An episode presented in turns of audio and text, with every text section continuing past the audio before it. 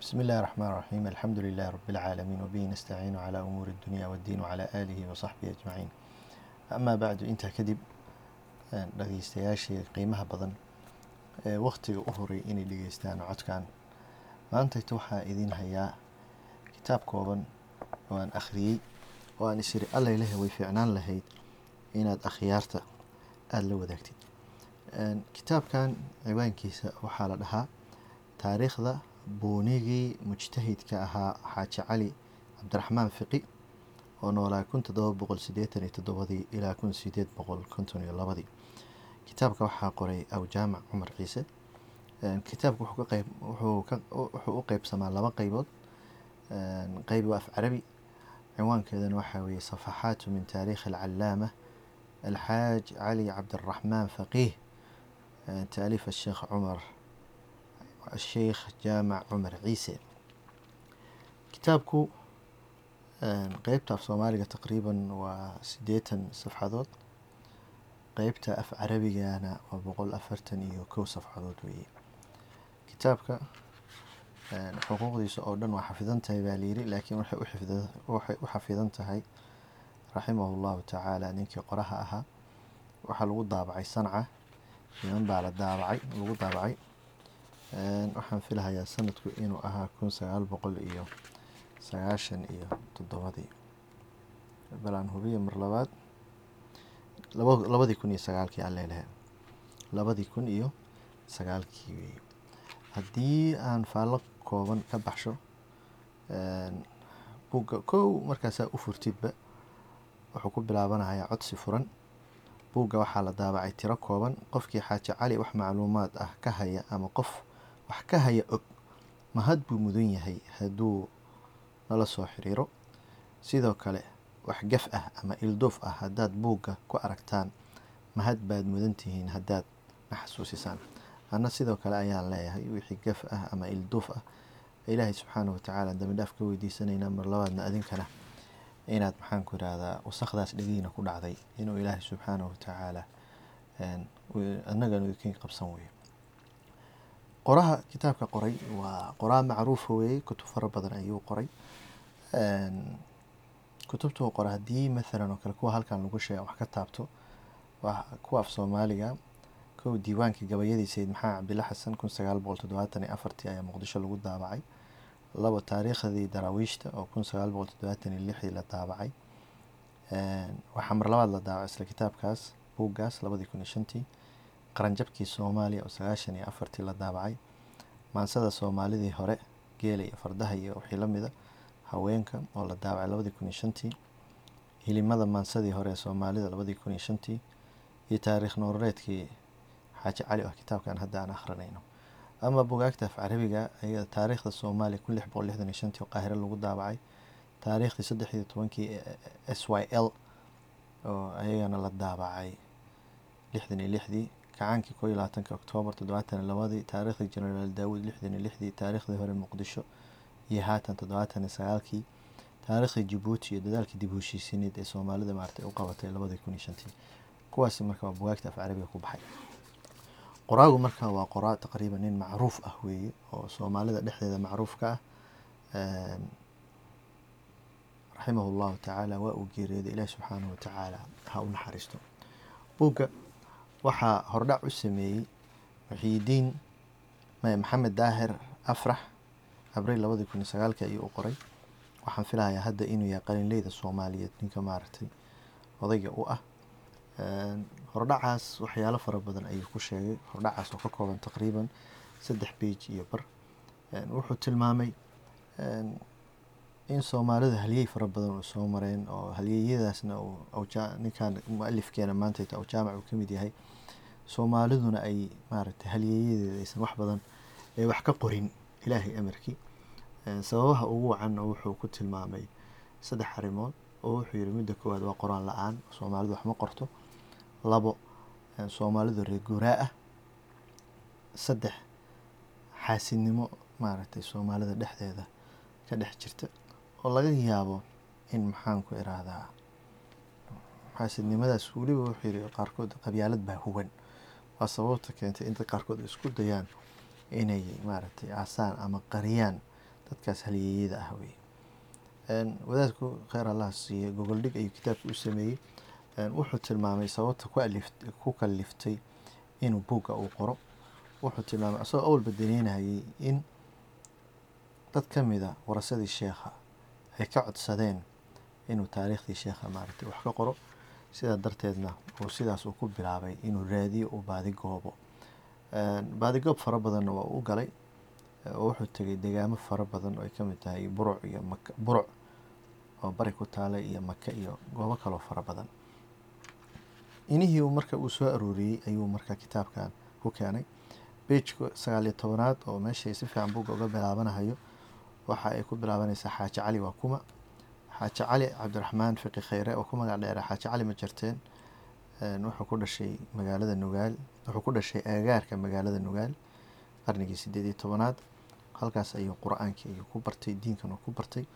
Wuxuu sheegay in wadaadku ay hooyadii magaceedii uusan hayn laakiin ay toorka ay ka dhalatay awrtable reer fiqi idris abtiyaashiisna maarata uu diinka uu ka bartay iyo oday kaloo maarata leelkaasa ahaa oo fiqi ismaaciil la oran jiray marka aabihiis oo sheekh ahaa abtiyaashii oo culimo ahaa iyo wadaadkaasay dariska ahaayeen oo caalim ahaa saddexdaas qolo xigaalo ahaayeen xidii xigaalobaba ayuu ku tilmaamay ayuu wuxuu ka bartay wadaadku diinkiisii intiisii hore ee dhalinyaranimada kadibna xaajigu waa uu dhaqaajiyey oo wuxuu aaday xagga iyo maka iyo maarata u kicitimay ilaa wuxuu ku maqnaa taqriiban baan filahayaa sideed ilaa toban sano meelahaas ayuu wadaadku ku tilmaamay. Wuxuu maray maka iyo madiine iyo kuufa iyo ilaahay duguusama ogolyahay basra iyo baqdaad iyo dhul maaragtay fara badan ayuu maray. Dhulkaas oo uu maaragtay diinka ka soo bartay. Kadibna waa uu soo laabtay wuxuu ku soo laabtay dhulkii awalba uu ka tegay wey. Markii uu dhulkii uu ku soo laabtay wuxuu bilaabay inuu marka diinka uu faafiyo oo wuxuu ka bilaabay dhulkii uu deganaa. Dhulkii uu deganaa markii uu yimidna dad badan oo waxaa iska jiray oo horey joogay oo isku dhaceen.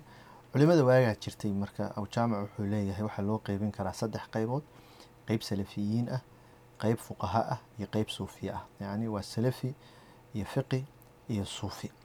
Marka salafi marka uu tilmaamayo wuxuu yihi awjaamac salafigu waxaan ula jeedaa buu yihi kitaabka qur'aanka iyo xadiiska rasuulka sala allahu calayhi wasalam waa nin yaqaan oo asle asleynka ku camal fala. Asaleynka wadaad yirina meel iska dhigay. Wadaad yirina meel iska dhigay. Haddaanu kitaabka qur'aanka iyo xadiiska aysan waafaqin. Faqiihna wuxuu ku tilmaamay axkaamta fiqiga ee madhabka shaaficiga yaqaan oo kitaabka minhaajka iyo irshaadka iyo sharaxooda masalada ka dayda kuna camal fala. Suufina wuxuu ku tilmaamay cimaamad waa nin cimaamad weyn oo dariiqo iyo wax la mid ah ku adeegta hase ahaatee aan diin badan aqoon. Culimadana had iyo jeer ay isjiiraan marka wadaadku markuu yimid wuxuu sheegay in ay isku dhaceen rag noocaas oo kale ah oo ilaahay hadduu kuusama ogol yahay. Iska fiqi ayuu ku tilmaamay ama fiqi dure. Aclam sida habka loogu dhawaaqo ayuu ku tilmaamay. Marka dadkaasna waa ay isku dhaceen intuusan marka xaajiga uusan ka tegin gobolka nugaal waxaa la wariyaa sheekooyin maybe inay ku kaliftay inuu ka tago gobolka nugaal. Laga yaabaana inaysan ku kalifin inuu ka tago intuba laakiin waa laba qiso oo maaragtay xaqiiqatan taabanaysa soomaalida iyo dhibaatada maaragtay ay soomaalida iyo dhibaatooyinka mararka qaarkood ay wadaadada maaragtay ay kala dhex maraan intaanan qisooyinka wax ka tilmaamin alla ilahi waxaan ka soo tegay meel uu maaragtay wadaadku aftahan buu ahaa oo gabayaabo buu ahaa. Meel uu ku tilmaamahayo ruuxuu yahay. Waa masaafo uu tiriyey wuxuu leeyahay ninkii barashadayda dooni baabkan ka soo galo ummadda eebbahay badane bini aadan baan ahay. Nuuxii badiyo doontu ku bilowday baan ahay. Dadku baari kala roone binu haashim baan ahay haddii la isbahbaheeyana beeni haajiraan ahay bin caqiil biyihii jabarti nin ku beermay baan ahay. Daarood boggiisiyo beerkiiyo laftaan ahay. Waxba been ku fali maayee biifane hartaan ahay. Majeerteenka sida buurta u ballaartay baan ahay. Boqorku waa jibraahiil anna baashigaan ahay. Burhaantiisa burhaantiisa beerka u gashaan ahay marka gabaygaas dheer uu ku abtirsanhayo wuxuu tilmaamayaa in xaaji cali uu yahay nin maxaanku irahdaa nin nebi nuux ku abtirsada banu haashim ka sii abtirsada caqiil bin abi taalib gala ismaaciil jabarti gala. Majeerteen ka sii ah? Majeerteenna uu ka sii yahay? Maxaanku irahdaa jibraahiil iyo reer cumar inuu ka sii yahay wey qisadii marka haddaan u soo laabto qisada koowaad waxay leedahay nin oday ahaa baa wiil uu dhalay gabar u doonay. Gabar buu u doonay wiilkii gabadhii waa la aqalgalay boqol geelo oo yarad ahna waa uu ka baxshay. Kadibna isla markiiba wiilkii ayaa tii alleh u timid.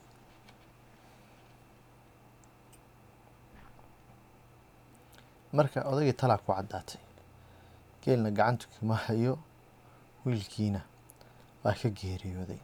Wuxuu fakeraba talo waxay ugu soo go-day inuu maaragtay gabadhii odayga laftigiisaba uu guursado. Shumidhaa waxaa moodaa in gabdhaha la kala gadan jiray. Marka wadaadkii ayuu u tegay ama si ay ku noqotoba arrintii xaaji cali ayay gaartay. Xaaji cali markuu odaygii la hadlayna wuxuu ku yiri hawshaas laguma ogola kitaabka alle ayaa diidan tahay? Odaygii baa wuxuu yihi xaaji cali kitaabka alle xogteyda ma oga sidaasna xaajiga waxaa la sheegaa inuu aada uga xumaaday qisadaas iyo arrintaas iyo jawaabtaas la siiyey. Waxaa kaloo jirtay nin baa wuxuu dilay baa layidhi nin lugla. Reerkii markii la yiri maxaanku irahdaa magtii baxsha boqolkii halaad waxay nin wadaad maarata u doodahay shumidha qareen buu ahaa.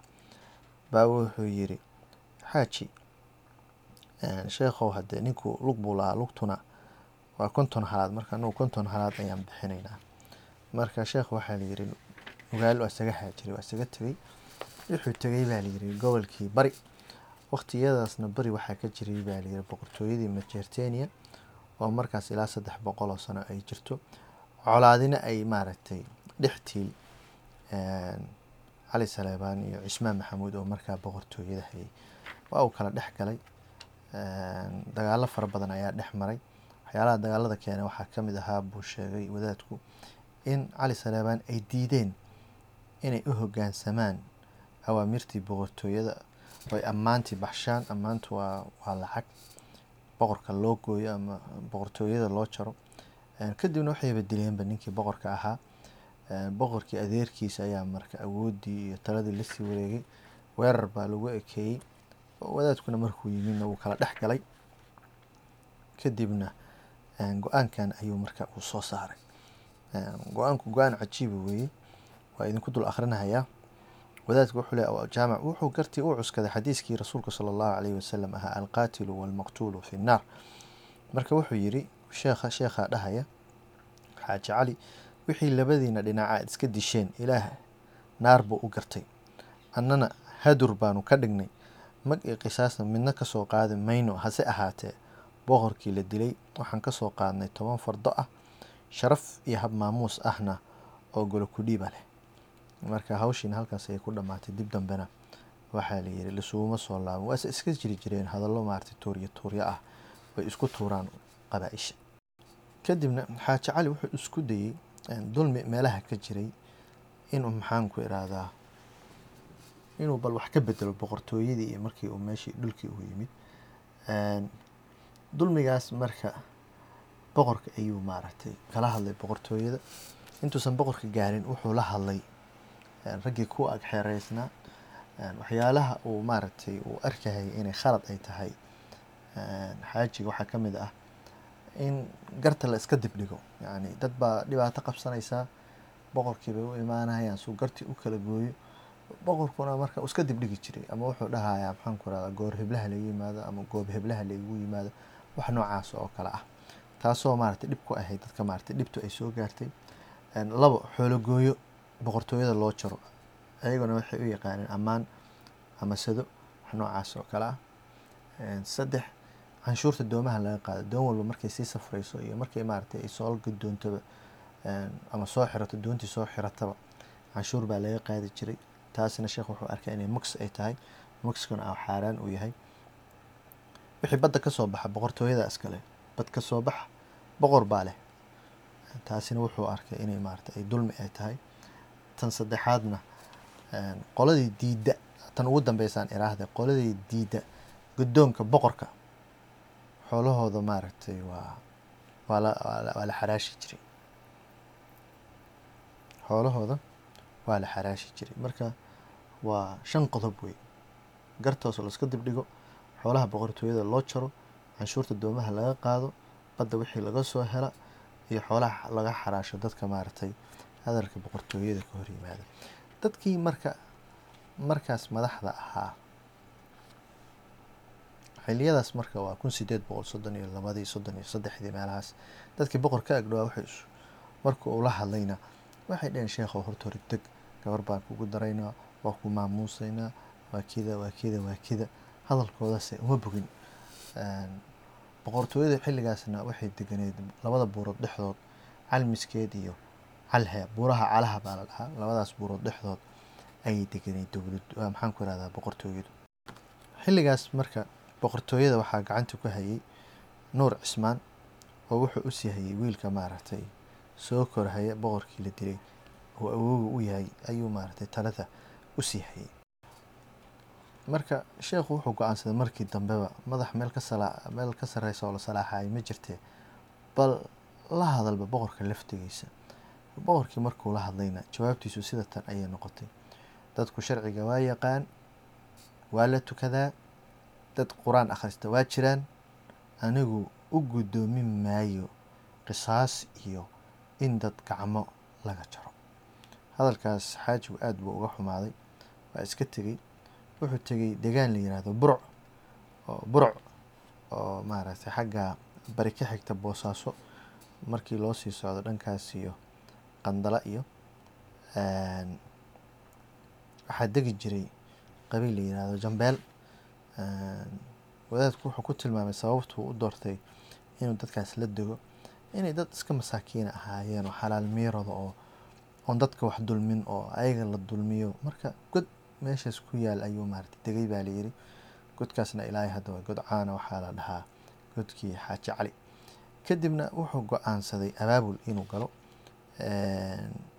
oo wuxuu warqad u diray warqad dheer suldaankii imaaraadka markaas u talinahayay oo khaliijka. Meeshan hadda shaariqa ayay usradaas u talisaa usrat alqaasimi sultaan bin saqr alqaasimi kun sideed boqol soddon iyo lixdii ayuu warqad dheer u diray asagoo maaragtay ku tilmaamaya dadka uu la joogo inay gaala yihiin ay kufaar ay yihiin asagana uu u baahan yahay ciidan. Weliba wuxuu la heshiiyey nin boqorka ay ilmo adeer ahaayeen. Xaaji faarax ina dhihi jiraan filaahayaa. Nacam xaaji faarax xirsi. Oo boqorku maaragtay ilmo adeer ahaayeen. In xaaji faaraxna uu uu saldanada uu qabto xagga diinkana maaragtay oo xaaji cali uu mas'uul ka noqdo. Exactly ama brobio sida maxaanku irahda dowladda sacuudiya ku aasaasantay maxamed bin cabdilwahaab iyo maxamed ibnu sacuudi ku heshiiyeen oo kale.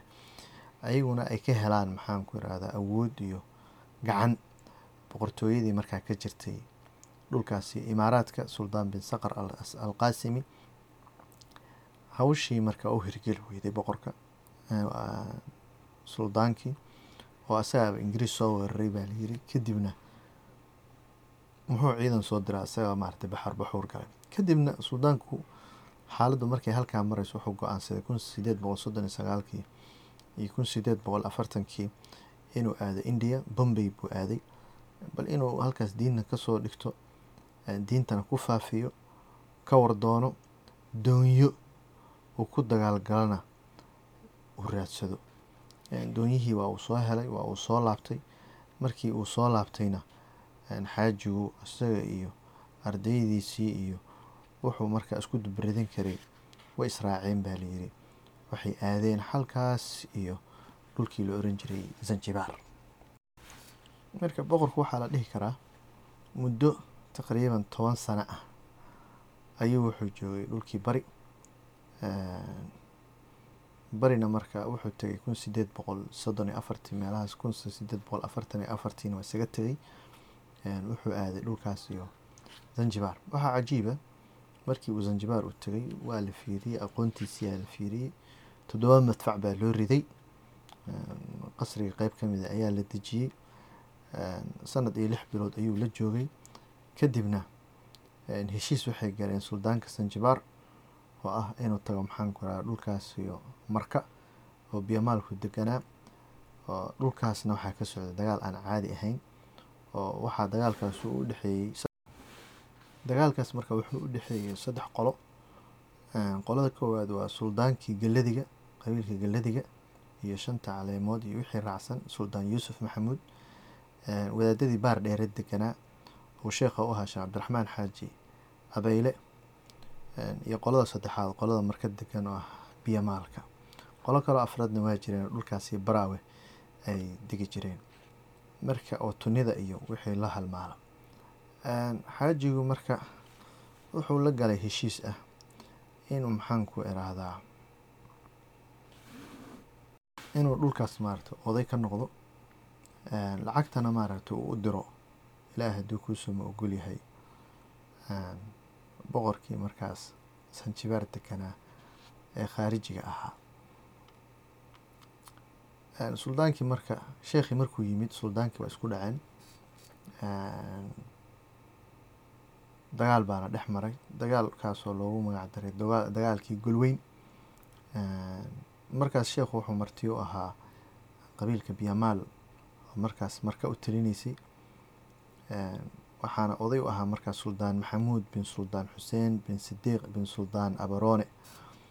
Markaas saldanadaas waxay jirtay boqol iyo konton iyo toddoba sano. Waxaa soo weeraray suldaankii geladiga ahaa oo wato shan kun oo nin. Sheekhuna wax badan ma uusan wadanin. Inkastoo ciidankiisay konton kaga dhinteen kadibna isaga iyo biyamaalkii meeshii deganaa waa laga wada adkaaday isagana waa uu dhaawacmay dharbaaxo culus ayaa maaragta ku dhacday. Kadibna suldaanku halkaas ayuu ku geeriyooday. Sheekhaan dhehe sheekh xaaj cali kun sideed boqol konton iyo kowdii intaana marka ka bixin qeybtan af soomaaliga ah sheekha wuxuu ahaa aftahan buu ahaa gabayaa ayuu ahaa ma masaafooyin fara badanna waa uu tiriyey mid ka mid a haddaan todoocyo ka mid a haddaan soo qaato. Wuxuu leeyahay waa midda maaragtay alifka ka bilaabanaysa. Ina eedo ma ilowday abtirsiyaheeni amradiyahow aqoon laawe aawe aabbayaasha ragga meesha lagu aasay waa wada atu ma utun buu u laayay wadkan duulaanka ay nabay ma aduusan ku aqoon mase awaad ka adag tahay mise inuusan kuu imaan axdi baad lahaydeen ma anaa aqoon gaaban ma adaa adduunyaa. Marka waa haddaan xoogaa halhalleeyana laga raali ahaado laakiin waa tidacyo xaqiiqatan markaad akhrisid aada kuu soo jiidanaya qeybtan af carabiga marka haddii aan u gudbo sheekha waxaa ku kalifay inuu maxaanku iraahdaa uu alifo ama maaragtay uu ka dhigo qeybo af carabi ah waraaqihii la isdhaafsanahayey warqad dheer waxaa jirta oo la isdhaafsaday oo wadaadku ugu magac daray xaaji cali al ajwiba alqeybiya lisu-aalaati algarbiya ayuu ka jawaabayay af carabi bayna ku qoray taasoo ku muujinaysa xaqiiqatan xaaji cali aqoontiisu intii ay gaarsiisnayd. Marka sidaas darteed maadaama cajiibadaas ay ku qornayd luga alcarabiya ayuu wuxuu jeclaystay inuu maxaanku iraahdaa luuqadaas af carabiga ah inuu maaragtay uu ku wada wadowey marka risaaladaas bilowgeeda ayaan jeclaystay inaan qoro aan dhehe aan akhriyo. Wuxuu leeyahay wafii caam alf wamiatain waithnain waarbaciin kataba sheekh cabdilqaadir xaaji abibakar risaalatan taxmilu halaatha casharata as'ila. إلى العالم الجليل الحاج يوسف محمد فقيه إدريس يطلب فيها الإيضاح والإفتاء في عدة مسائل مختلفة تشغله وتهم وتهمه الإجابة عليها فأشار الحاج يوسف إلى الحاج علي عبد الرحمن أن يتولى الإجابة ومن دأب العلماء الأعلام أن يوكلوا الإجابة لتلاميذهم إذا كانت سهلة وهذه نص الرسالة عبار ومركة وسي وذي وذات كان هرتر سوق wuxuu kasoo qoray magaalada dhagax buur ayuu deganaa meesha warqadda loo soo dirayna waa meel roox la yiraahdo oo gaalkacyo ansa oo u jirta taqriiban konton kilomitr xagga waqooyi ka xigta wey risaaladu marka sida tan ayay ku bilaabanaysaa xoogaa rakaakaad mooda inay ku jirto alxamdu lilaahi caalami alarwaaxi junuuda fi caalami الاkhtiraac mujanadة fi caalami الإbdaac fama tacaarafa minha اtalaf wma tanaakara minha اkhtalaf حتى لا تختلف فتطارحت شعاعاتها بعضها لبعض من اتصالاتها الثلثية والسدسية حتى تعانقت رقائقها في حضرته قبل أن تتعانق أرواحها القدسية والصلاة والسلام على من شرفه العلام وبعد فيقول الفقير عبد القادر الشيخ علي أبو بكر عفى الله عنه الجرائم فإنه لما نفذت إلي رقيقة من الروح القدسي وألقي علي شيء من الكبريت الشمسي وأفيض في من الزيتونة الوسطي ومباركة من ربي فأضاءت زجاجة زجاجة نفس في مشكاة صدري مصباح قلبي لتفيض أملاك التصريف سؤوذ وحليه حليه رسالة تبتغي من فضله فرائد ولتلتمس من فتوحاته فرائد بيد النور الموثوق ابن ورفاء على مراتب أولاه wuxuu weydiinayaa marka su-aalooyinkan cilmu اlkimiyaa cilmu اlhay-a walhandasa alirtimaatiqi cilmu اlxarfi الطabiici iqlaab الsuwar alashhur اlifrinjiyati walashhur الruumiyati shajarat اlcawsaj ومنها المقالات العشرة التي يتحدى يتحداها سوى مقولة الوضع ومنها الكواكب رسالة في الكواكب والبروج ومنها شيء من استخدام الأرواح وأرابي شرك شركة أيضا وهذه إمحاها إذا وقفت عليها كي لا يطلع غيرنا فإن ظفرت بذلك بين لي فأنا راغب فيك منك وهذا والسلام marka sheekhu markuu u jawaabayay laba sibuu ugu jawaabay wuxuu ugu jawaabay asagoo marka hore iska waramay mar labaad in waxyaalaha sixirka iyo maaragta qaamdariiranka iyo waxaan fiicnayn uu u dulmaray uuna u sheegay inaysan wax fiican ahayn tan kale wuxuu ugu jawaabay hab gabay ahaanna waa ugu jawaabay hab qoraal ahaanna wuu ugu jawaabay. Waxyaalaha ay soo jeedta waxaa ka mid ahaa wuxuu leeyahay wahaa ana kadalika ubashiruka bimusanafaati fa minha. Yani waxaan kugu bishaareynaya bugaagta aan qora waxaa ka a sharxu qaamuus almuxiid aladi samaytuhu annaamuus الnashiid almabniyu cala alqaamuus almuxiid qaamuus almuxiid aad u weeyahay dhoonnusu ku sharaxa ma sha allah تفسير الجلالين سميته إرشاد الجلالين لإرساخ تفسير الجلالين ومنها شرح عقيلة الأتراب وعقيلة أتراب القصائد للإمام الشاطبي سميته كشف النقاب عن عن عقيلة الأتراب بالخط العثماني ومنها رسالة سميتها كشف الغمام عن أحكام مخالفة الإمام ومنها شرح أوائل السور سميته تنبيه أولي العبر بمعاني فواتح السور مركا إلى وحكوش ماشا توان كتاب أي شيخ كتيريه waxaa kaloo kitaabka ku arkay in uu sheekha uu tiriyey maxaanku iraahdaa raggii maxaanku raa u arkahayay inay mujtahidiinta ahaayeen ee islaamka soo maray.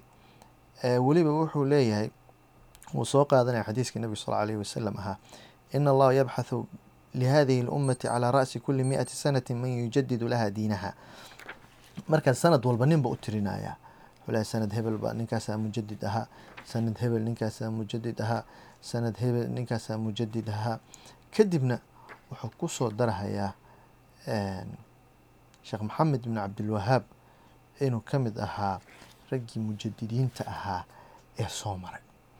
Oo wuxuu leeyahay walilxaadi cashar maxamed bin cabdilwahaab marka waxaa ku jira dadkaas imaam ghazaali raafici ibnu daqiiq ilciid bulqiini suyuuti maxamed ibn cabdilwahaabna waa uu ku soo darahayaa wey taas alaleeyahay ayadana aada ayay iisoo jiidatay. Dabcan gabayadiisaas gabayo kaleo caadiga sheekhuna waa u lahaa.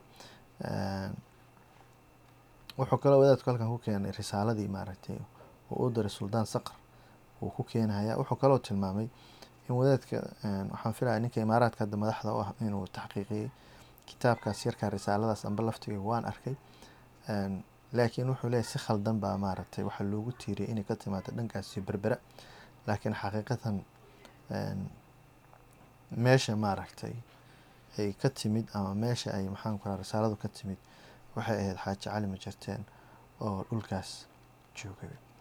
Waxaa kaloo wadaadka ku soo bandhigahayaa nin kale oo faransiisa warqad uu xaaji cali uu qoray tarjumay xilligii maaragtay dagaalka golweyn intuusan dhicin iyo markii uu dhacay kadib siba markuu dhacay kadib waxyaalihii uu u qoray qabaa'ilkii dhulkaas deganaa weye kitaabka guud ahaan intaas ayaan ku soo gabagabeynahayaa haddii aan markaan tacliiq yar aan yaro saaro kow ninka mualifka ah kitaabka ka ah ninkii mualifka kitaabka qoray aw jaamac cumar ciise raximah allahu tacaala nin haliyey ayuu ahaa xaqiiqatan.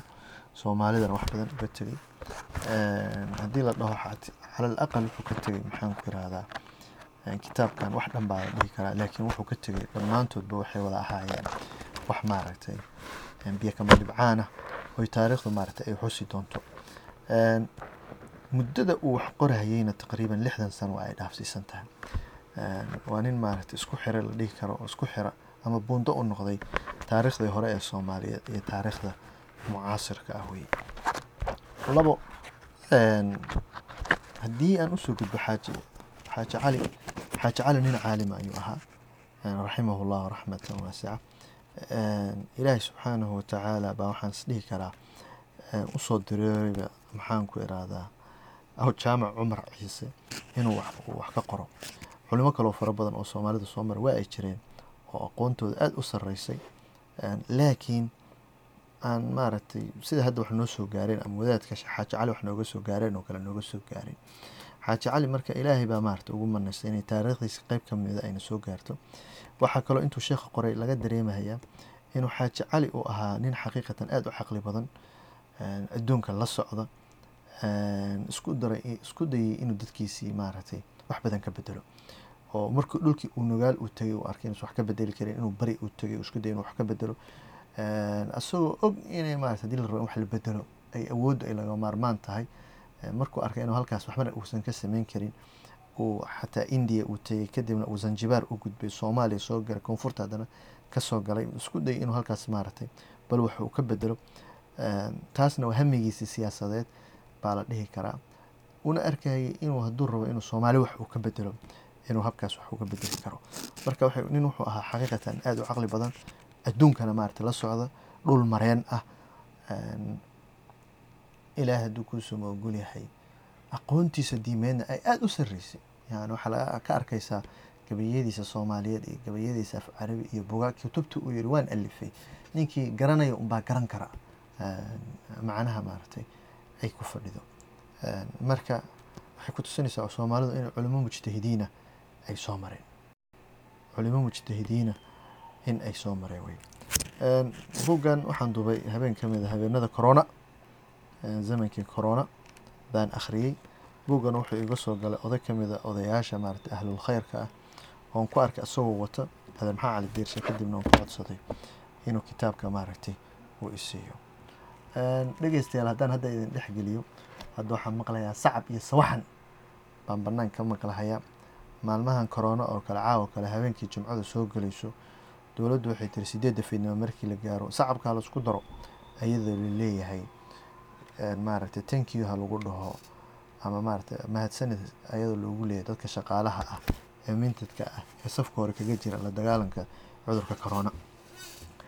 Kitaabkayga haddii aan u soo laabta wax ka tilmaamahayay waxaa kaloo aada iisoo jiitay sababta uu wadaadku uu ugu tilmaamay inay gaale yihiin boqortooyada reer bari ayadana waa arrin aada cajiib u ah. Wuxuu kaloo ku tilmaamaya markuu warqadda uu u qorayey boqorkii suldaan bin saqr alqaasim wuxuu ku tilmaamay boqortooyada cumaan inay boqortooyo khawaarij ay tahay. Haddana markii dambe wuxuu ku khasbanaaday inuu ayaga hindu u tago haddana maaragtay uu la heshiiyo. Waxay ku tusinaysaa halkaas wadaadku inuu maaragtay uu siyaasi ahaa bay ku tusinaysaa. Laakiin sababta dadkaas uu u gaaleysiiyey ilaahay hadda ma garan rubama inuu fikraddii maxamed bin cabdilwahaab maaragtay uu soo qaatayna ayadana waa macquul wey waxaa kaloo aada ii soo jiitay ama aan is leeyahay allelehe meesha dhulka uu tegay wadaadku mamaysan ahayn dhul uu ku koray. Dhibaato fara badanna maaragtay waa uu kala kulmay. Waxaa kaloo aan is leeyahay allelehe armay tegitaankaas uu markaas uu dhulkaas u tegay xaajigu dhulkaas ay sabab u ahaydba in suldaan keenadiid uu hobyo u ka soo dego maadaama dhulkaas maarata horey loogu sii sahamiyey. Almuhim buuggu maxaan ku irahda waxaa waa buug istaahila in maarata la akhriyo. Dadkan waxaan kula talin lahaa inay akhriyaan. Warasadii sheekha haddii nool yihiin waxaan kula talin lahaa inay ogolaadaan in buugga maarata haddii la sawiro online la soo gelin karo si dadka maarata ay uga faa'iidaan. Wixii khaldan shaydaan beega hatay waxaan saxayna waa fadlu min allah wajazaakum allahu khayran assalaamu calaykum waraxmatullahi wabarakatu